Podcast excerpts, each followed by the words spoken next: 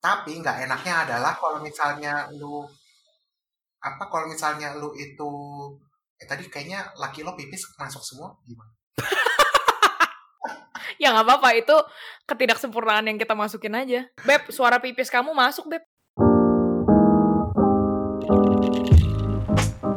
Halo semuanya, selamat datang di podcast Abjad Tersirat dan juga selamat datang di episode ketiga segmen teman baru. Nah, teman baru kita di episode ini adalah Adrian Sukoco dan dia adalah host dari podcast komedi Perawan, podcast berdua with Adrian. Untuk kalian yang pengen banget bikin podcast, tapi ragu karena bingung atau budgetnya minim, nah episode ini harus banget kalian dengerin. Jadi langsung aja yuk dengerin obrolan kita yang satu ini. Kita mendingan langsung hajar ke topik di mana orang-orang dari Instagram story gue juga waktu itu ngevote untuk mau tahu. Oke, lu bisa nggak kasih tahu behind the scene-nya di mana lu tuh dari proses pembuatan pertama, kayak misalnya lu setup kayak gimana, apakah lu di studio atau lu di rumah. Terus kalau misalnya uh, lu tuh mau interview orang kayak gimana sampai ke post production di mana lu editing. Jadi gini, kalau buat gue itu gue ada dua tipe. Tipe yang pertama adalah uh, rekaman sama co-host yang posisinya ada di Indonesia atau di tempat yang lain. Jadi lewat hmm. Skype gitu. Jadi hmm. uh, gue janjian dulu sama mereka jam berapa, jam segini, temanya ini. Terus tergantung nih si co-host ini suka dengan sesuatu yang spontan atau suka dengan yang terstruktur. Jadi gue tawarin hmm. biasanya sama kayak lu cing nawarin ke gue, lu mau tahu nggak? Oh iya benar-benar. Strukturnya gimana gitu. Ada beberapa co-host yang enggak enggak gue lebih suka orangnya spontan karena ntar gue kaku kalau misalnya udah tahu gitu. Nah setup gue itu gue bikin semacam kayak uh, ingat gak lo waktu zaman kecil lo itu suka bikin fortress yang dari bantal, guling, kursi gitu-gitu. Iya iya iya iya iya. Benteng gitu kan, terus ditutupin pakai selimut atasnya.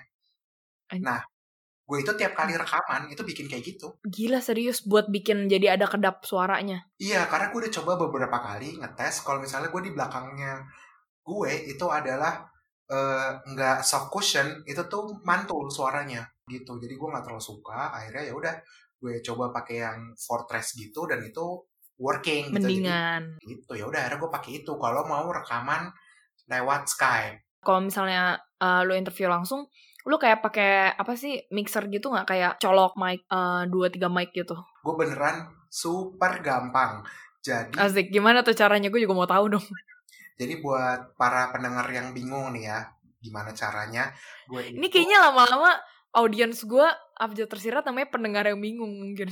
Pendengar yang bingung. Iya karena semuanya pada bingung semuanya pada pengen tahu doang. Ya udah uh, pendengar bingung aja ya. Ya lanjut. Jadi HP gue itu kan dulu ada colokan tiga setengah milimeter ya jack. Jadi iya, iya. colokan aux itu kalau HP yang uh, sekitar 2-3 tahun lalu kan ada tuh colokannya buat dengerin apa headset gitu segala macam. Kalau HP zaman sekarang kan udah nggak ada. Nah, mm -hmm. karena gue ada colokan itu, ya udah gue beli lavalier mic gitu. Oke. Okay. Jadi gue colokin aja micnya ke situ gitu. Oh sih kayak gitu doang. Awalnya tuh begitu. Oke. Okay. Hmm, nah terus kalau misalnya sekarang, kayak sekarang uh, gue wawancara orang, misalnya wawancara dua orang, ada loh uh, lavalier mic yang kepalanya dua tuh ada gitu. Terus lu kalau misalnya editing, sebenarnya gue mau tahu gimana lu cara ngedit tuh uh, yang adil dan bermakna gitu mungkin karena ngerti, ngerti. Ya, karena kan lu kalau misalnya edit semau maunya lu doang kan jadinya kayak apa ya? Orang yang satunya lagi kan mungkin feel kayak oh kok bagian gue banyak banget yang dipotong iya misalnya kayak gitu hmm. jadi gue itu um, gimana ya bilangnya? Mungkin gue itu lumayan bisa me-switch pikiran gue yang mana gue sebagai content creator yang mana gue itu sebagai pemikiran netral. Jadi gue itu misalnya kalau lagi ngedit kalau misalnya gue juga terlalu dominan gue tuh cut out juga suara gue. Karena gue gak maunya kita itu ngobrol bukan gue itu ceramah gitu loh. Nah, tapi kembali lagi kadang karena misalnya nggak semua orang itu punya karakter podcaster gitu ya, nggak semua orang itu punya karakter kayak gue, nggak punya karakter kayak nggak ada personanya. Iya, itu tuh potensinya itu wild card. Jadi setiap kali gue misalnya nih, gue pengalaman udah banyak ya, maksudnya gue episode udah hampir 50. itu uh, orangnya seru banget, lucu banget in real life. Begitu gue rekam, jep, diem. Ketawanya mulutnya ditutup, terus mic-nya dijauhin. Jadi kalau misalnya gue direkam, kayak nggak ada ketawa. Iya kayak gue ketawa sendirian gue bikin joke gue ketawa sendirian kan kayak buset gitu kan. Garing banget. Iya iya, iya. Uh, uh, tapi ada juga yang in real life itu diem gitu. Kalem pas direkam pecah. Nah itu juga oke okay tuh. Oke oke oke oke oke. Hmm. jadi makanya gue nggak terlalu stereotyping orang. Jadi gue ajak dulu kalau misalnya hasilnya oke okay, ya gue lanjutin. Kalau misalnya hasilnya nggak oke okay, ya jadi misalnya kan gue sebagai apa ya biang podcast gitu si si tuan rumah gitu ya gue kan sudah bisa baca nih oh kayaknya conversationnya arahnya kurang seru nih gitu kan dari pengalaman gue. Nah kalau misalnya arahnya udah seru udah kayak gitu ya gue coba alih-alihin pembicaraannya ke arah yang lain gitu. Karena gue biasanya udah punya kisi-kisi yang gue mau tanya atau apa atau jokes-jokes anekdot-anekdot yang gue mau keluarin gitu gue udah bikin. Hmm gitu. Kalau misalnya tetap nggak seru, gue biasanya gini, sorry sorry sorry sorry, biasanya gue bilang gitu, ini kayaknya nggak um, ke arah yang gue mau deh. Dan mayoritas hmm. orang itu lebih suka dibilang kayak gitu, terus oh oh iya nggak apa-apa nggak apa-apa kita ulang lagi aja daripada ntar hasilnya jelek pas udah di post dia malah malu gitu. Karena ini adalah passion project, jadi gue maunya kita semuanya tampil bagus, kualitasnya juga bagus, dan kebetulan hmm. sampai sekarang uh, host-host gue juga menjaga kualitasnya gitu. Jadi pas okay, udah gue okay, okay. edit, udah gue edit, terus gue kirimin ke mereka, mereka tuh selalu kasih feedback. Ininya kayaknya dikurangin deh, itunya kayaknya di cut deh. Iya, yeah, bener-bener bener. Dan gue itu um, respect dengan feedback itu karena artinya yeah. gue itu adalah mereka itu berarti peduli sama kualitas yang gue keluarin. Iya, dan masalahnya orang-orang yang lu undang juga kebanyakan ada personanya ya. Kayak apa tuh yang Tinderella itu favorit gue sih. Tinderella. Terus yang cerita tentang rumah bordil tuh, rumah lo jadi rumah bordil. Wah gila itu, gila men tuh lo, lu bisa bikin radio berdua sama dia kayaknya. Ya si Rama emang penyiar apa? Uh, oh pantes. Iya tadinya dia itu kerja di sebuah channel TV lah gitu buat apa liputan-liputan berita gitu. Oke, okay, jadi tadi lu berarti dari awal uh, lu kan bikin Fortress lah ya mm-hmm. untuk biar agak kedap suara yang budgeting gitu. Iya. Yeah. Berikutnya ya lu ngobrol sama beberapa teman-teman yang udah lu kira-kira pilih, tapi mm-hmm. at the same time juga lu gak bisa stereotype karena kayak yang lu bilang Setuju. pas lu udah ngomong di rekaman baru lu ketahuan orangnya kayak gimana kan? Iya. Yeah. Lu juga selain itu ya pas editing post productionnya itu uh, lu mencoba untuk switch antara lu tuh emang podcaster sama orang yang netral ya let's say audience lah yang mungkin ngedengerin uh, hasil podcast lu nanti gitu. Iya.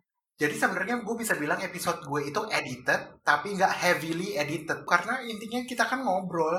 Gue tuh pengen kayak ngobrol secara organik aja itu yang gue pengen sih. Dan intinya ya segala ketidaksempurnaan yang ada di episode lu maksudnya uh, episode finalnya itu adalah ketidaksempurnaan yang udah lu pilih emang yang natural. Ya atau kadang misalnya ada orang lagi ngomong terus kayak p tuh gitu tuh kayak pecah gitu kan boom gitu Iya. itu aja maksudnya ya udah emang kejadian gimana? Ini yang menarik menurut gue cing karena formatnya gue sama format lo itu bertolak belakang menurut gue. Kenapa tuh? Kendalanya lu itu adalah lu ngomong sendirian. Jadi yep. lu itu semua terplan, ya kan? Iya. Nah, enaknya lu itu tahu betul apa uh, konten yang lu mau keluarkan, lo yang mau produksi itu apa. Itu lu bisa kontrol hmm. semuanya. Tapi nggak enaknya adalah kalau misalnya lu apa kalau misalnya lu itu eh tadi kayaknya laki lo pipis masuk semua gimana? ya nggak apa-apa. Itu ketidaksempurnaan yang kita masukin aja. Beb suara pipis kamu masuk beb. Eh ya udah nggak apa-apa gue kita masukin aja ya gimana rumah? Ya masa suami gue nggak boleh pipis gara-gara gue iya. podcast? Ya lanjut lanjut. Maaf. Terus? Terus uh, gue tahu misalnya lu itu kendalanya adalah lu kalau ngomong sendiri nggak ada yang bales gitu. Jadinya lu ya udah iya itu aja. awkward banget. Tapi enaknya lu itu bisa ngontrol semua konten yang lu produksi kalau gue yep. justru kebalikannya. Gue itu nggak bisa kontrol karena gue nggak pernah tahu apa yang keluar dari mulutnya si co-host gue ya kan. Iya ada benernya Tapi- sih. Ini kita lebih gampang ngobrol karena kita udah punya pengalaman podcasting lah. Walaupun maksudnya masih baru belajar juga, tapi seenggaknya gue tahu oh, oke tech turn lu di mana, lu mau ke mana. Ya, kita dua-duanya itu adalah podcaster, jadi sudah biasa memproduksi konten, ya kan? Oke, tadi kita udah ngomongin tentang podcast bla bla bla. Sekarang gue penasaran sama lu. Lu kan base-nya humor ya. Lu tuh sebenarnya sisi lain lu di balik podcast humor lu tuh apa sebenarnya? Kalau apa apa lu emang orangnya lucu terus, hidup lu selalu apa ya gembira terus atau sebenarnya hidup lu tuh banyak masalah tapi kedoknya ini, kedoknya podcast humor. Eh, memang hidup gue itu banyak eh, pengalaman pahit lah ya, gitu bisa dibilang. Yang mana eh, gue itu nggak ada pilihan lain untuk melihat masalah gue dari sisi humor. Nah, tapi setelah gue banyak belajar nih dari podcast-podcast gue, dari obrolan-obrolan gue, itu kan ada sebenarnya beberapa hal yang kalau didengerin tuh, ih eh, lucu sih, ngakak gitu. Tapi ada ada pain di balik itu. Misalnya, kayak yang paling gampang deh yang udah lo sebut beberapa kali adalah gue gede di eh, rumah bordil. Itu tidak sengaja rumah gue dijadikan rumah bordil gitu kan Nah, Hmm. itu kan secara bigger picture memang lucu ya kayak Yep. wah, anjir eh, aneh banget nih kejadian tapi kalau lo Mhm. gue itu punya trust issue loh dari situ karena gue bertahun-tahun tinggal sama si asisten rumah tangga yang ini dan dia bikin full blown porn production di rumah gue yang mana pakai kasur gue kasur nyokap gue sofa di rumah gue pohon mangga di area belakang ya kan semua tuh dipakai sama dia Enggak, lu taunya tuh dari mana? Dari foto yang dia koleksi? ya foto ya VCD yang dia produksi dari eh, testimoni tetangga gitu. Gila testimoni tetangga. Jadi, ih mampus. Iya, nah kalau misalnya orang mungkin orang ngelihat dari, dari sisi yang paling gampang karena gue serve-nya sebagai humor gitu kan. Tapi Ya, ya. misalnya lu ngalamin di posisi itu gue masih kecil waktu itu dan gue ngalamin posisi kayak gitu. Bokap gue lagi sakit, sakit keras yang hampir meninggal. Terus Oh nyokap iya. Mm-mm, makanya eh, nyokap gue akhirnya mutusin buat cuti kan, cuti seminggu yang gue ada cerita di situ, cuti seminggu ngurusin rumah yang mana karena bokap gue lagi sakit harus sering ke rumah sakit segala macem dan ternyata Oh, oke. kata gue bail out setelah di conference sama nyokap gue. Nyokap lu mencium bau lelaki yang tidak normal di rumah. Bau testosteron lah gitu ya. Itu si tante hebat sih beneran hidungnya, sumpah. benar-benar kuat. Gue punya pertanyaan dari pemirsa nih. Eh, gimana cara lu bagi waktu antara lu kerja full time dan juga lu eh, sempetin waktu untuk podcasting? Jadi cara bagi waktunya adalah ya menyempatkan sih kalau gue pribadi.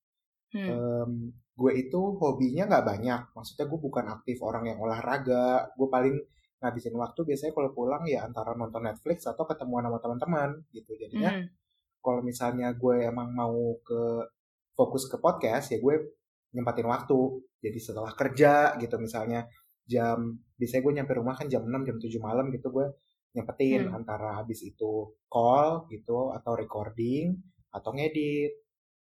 Dan biasanya kalau pagi-pagi kalau baru bangun tidur itu gue biasanya merasa paling kreatif.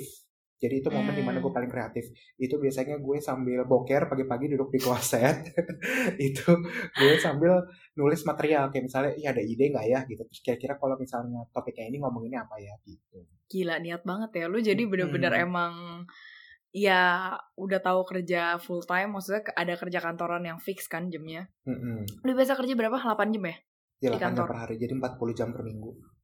Oh, oke. Mm-mm. Jadi abis itu lu cobain sempetin pokoknya segala macam waktu yang bisa lu sempilin entah itu buat material kayak cuma setengah jam atau em, lu ngedit, lu pokoknya nyicil-nyicil terus-terusan. Iya, jadi kalau hitungan kasarnya, kalau misalnya buat yang penasaran tuh sekitar begini nih. Kalau per episode, gue itu kira-kira invest waktu adalah 8 jam kerja. Jadi satu hari kerja lah ibaratnya gitu. Itu Hmm. dimulai dari brainstorming, terus scheduling, ya kan? Terus Hmm. recording, habis recording terus editing, terus juga gue harus nyiapin material kayak misalnya foto-foto misalnya gue juga harus tahu kita punya foto berdua apa enggak yang gitu misalnya oh, atau ngumpulin iya, fotonya juga ya. Lu soalnya sharing ya. Iya, iya. Hmm, atau misalnya sneak preview, gue kan kadang suka kayak 10 sampai 25 detik tuh buat sneak peek kan minggu depan kayak, kayak apa. audiogram. Eh lu ada audiogram sih? Eh, nggak uh, tahu di gue itu apaan. Oh, audiogram tuh kayak misalnya uh, cuplikan oke, okay, lu lihat uh, postingan Instagram gue nggak yang ada guanya, maksudnya cover iya, title, terus, terus kalau misalnya klik ada suaranya, nah hmm. itu audiogram. Ah, gratis nggak tuh? Uh, gratis. Kalau misalnya lu pakai tata tata namanya headliner. Oke. Okay. Gratis. Itu ya buat para pendengar bingung, pendengar linglung yang mau pengen bikin podcast silakan tuh coba. Yap, soalnya gue biasa nyari yang lain tuh selalu ada kayak gratis tapi ada embel-embel lainnya di belakang. Kayak lu hmm. kalau mau pakai ini cuma ada kuotanya berapa kali, abis itu iya, sisanya yeah, kalau lu pakai watermarknya tuh ada dan kalau headliner itu lu dapet 10 kali per bulan yang unlimited. Oh, ya, okay. sedangkan kan gue bukan podcaster full time dan yeah. kalau lu kan setidaknya satu bulan kan juga empat kali pakai doang kan kalau yeah. mau pakai. Mm-hmm. Jadi ya itu pakailah headliner ah. gitu. Jadi lu tadi bilang 8 jam lu kasih waktu itu untuk mm-hmm. per minggu ya maksud lu ya nggak? Per satu episode lah gitu. Kalau misalnya gue mau yeah, yeah. per minggu dua episode ya dua kali hari kerja gitu lah. Uh, pertanyaan terakhir gue adalah berkarir jadi podcaster tuh susahnya di mana sih? Dan apakah itu menjanjikan? Kalau buat gue, usahakan bikin sesuatu itu karena lo itu suka. Jangan lihat uangnya dulu. Karena gue itu hmm. sekarang juga gue itu ini a part of terapi sama gue juga seneng gitu. Jadi jangan mikirin uangnya dulu. Suatu hari kalau misalnya lu produce sesuatu with great quality, orang bakal tahu juga kalau lo itu produce something of great quality ya udah produce aja sesuai yang lo mau. Tingkatkan kualitas lo suatu hari orang bakal nyadar kok lo itu produce something good. Hmm. kalau suka dukanya kalau menurut gue saingan saingan terbesarnya yang bikin eh bukan saingan tadi apa pertanyaannya? Uh, uh, berkarir jadi podcaster susahnya di mana? Susahnya di mana adalah kalau gue boleh jujur adalah saingan dengan orang-orang yang sudah punya bala bantuan. Kayak orang-orang yang udah komedian, udah MC, udah hmm. art apa ya masyarakat tuh lebih melek lah dengan podcast mereka. Tapi balik lagi seperti yang gue sampaikan di pertama adalah kalau lo produce sesuatu dengan great quality orang bakal nyadar. Hmm. Udah nggak usah ngeliat kanan ngeliat kiri karena saingannya dengan diri sendiri. Udah itu aja. Um, the whole point tuh ada something yang lebih besar lagi daripada duit yeah. gitu. Nah, ya lagian juga hal-hal yang lo gain dari bikin podcast kalau dari perspektif gue ya mungkin sekarang gue belum bisa gaining anything dalam bentuk materi, dalam bentuk uang, dalam bentuk endorsement apa segala macam, gue sama sekali belum ada. Tapi yep. lewat podcast ini, gue itu yang paling pertama adalah gue itu punya legasi. Kedua, hmm. gue itu punya banyak kenalan-kenalan baru kayak misalnya lu atau kayak ada juga si Faris Ubay, gue kenalan juga karena bikin podcast dan dia juga seorang podcaster. Menurut gue itu juga salah satu bentuk game gitu.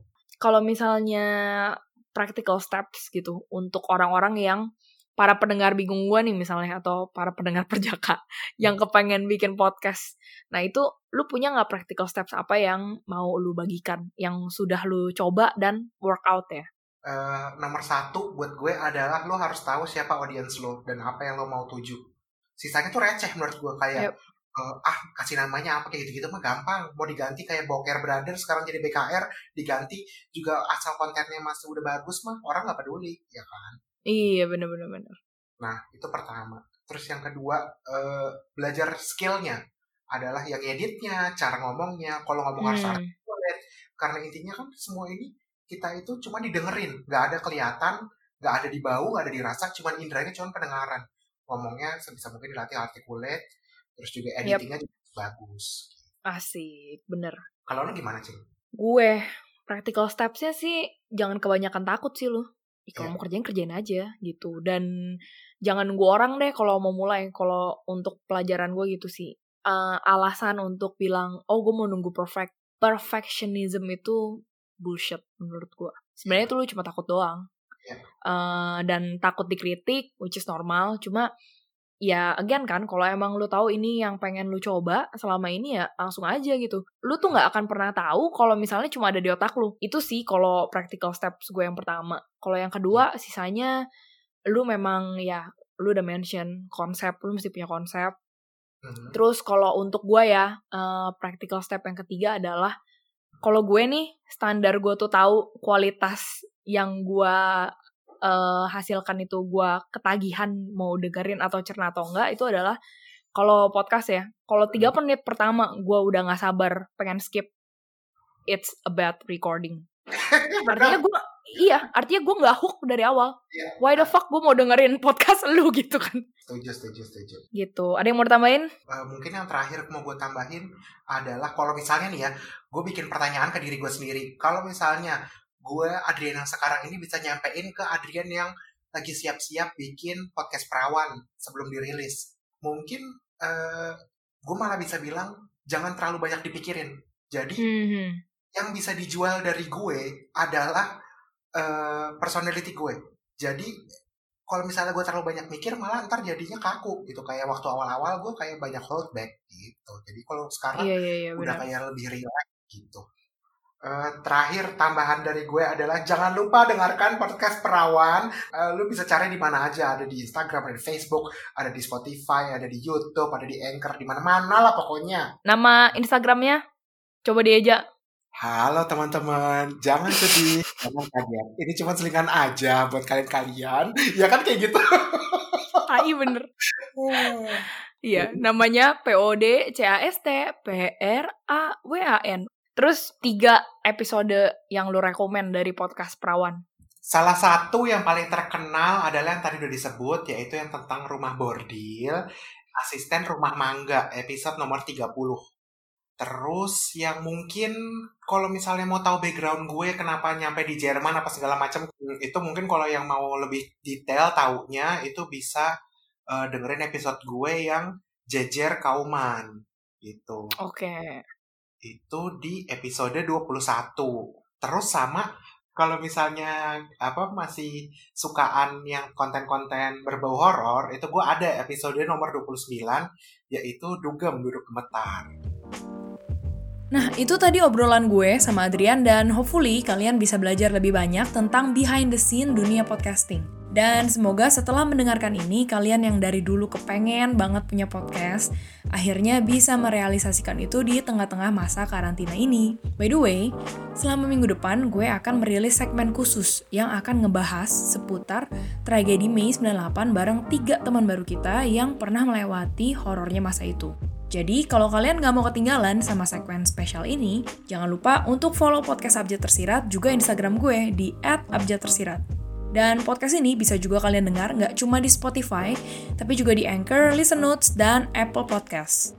So, see you for the next episodes di segmen spesial kita minggu depan, dan selamat menunaikan ibadah puasa bagi kalian yang menjalankan.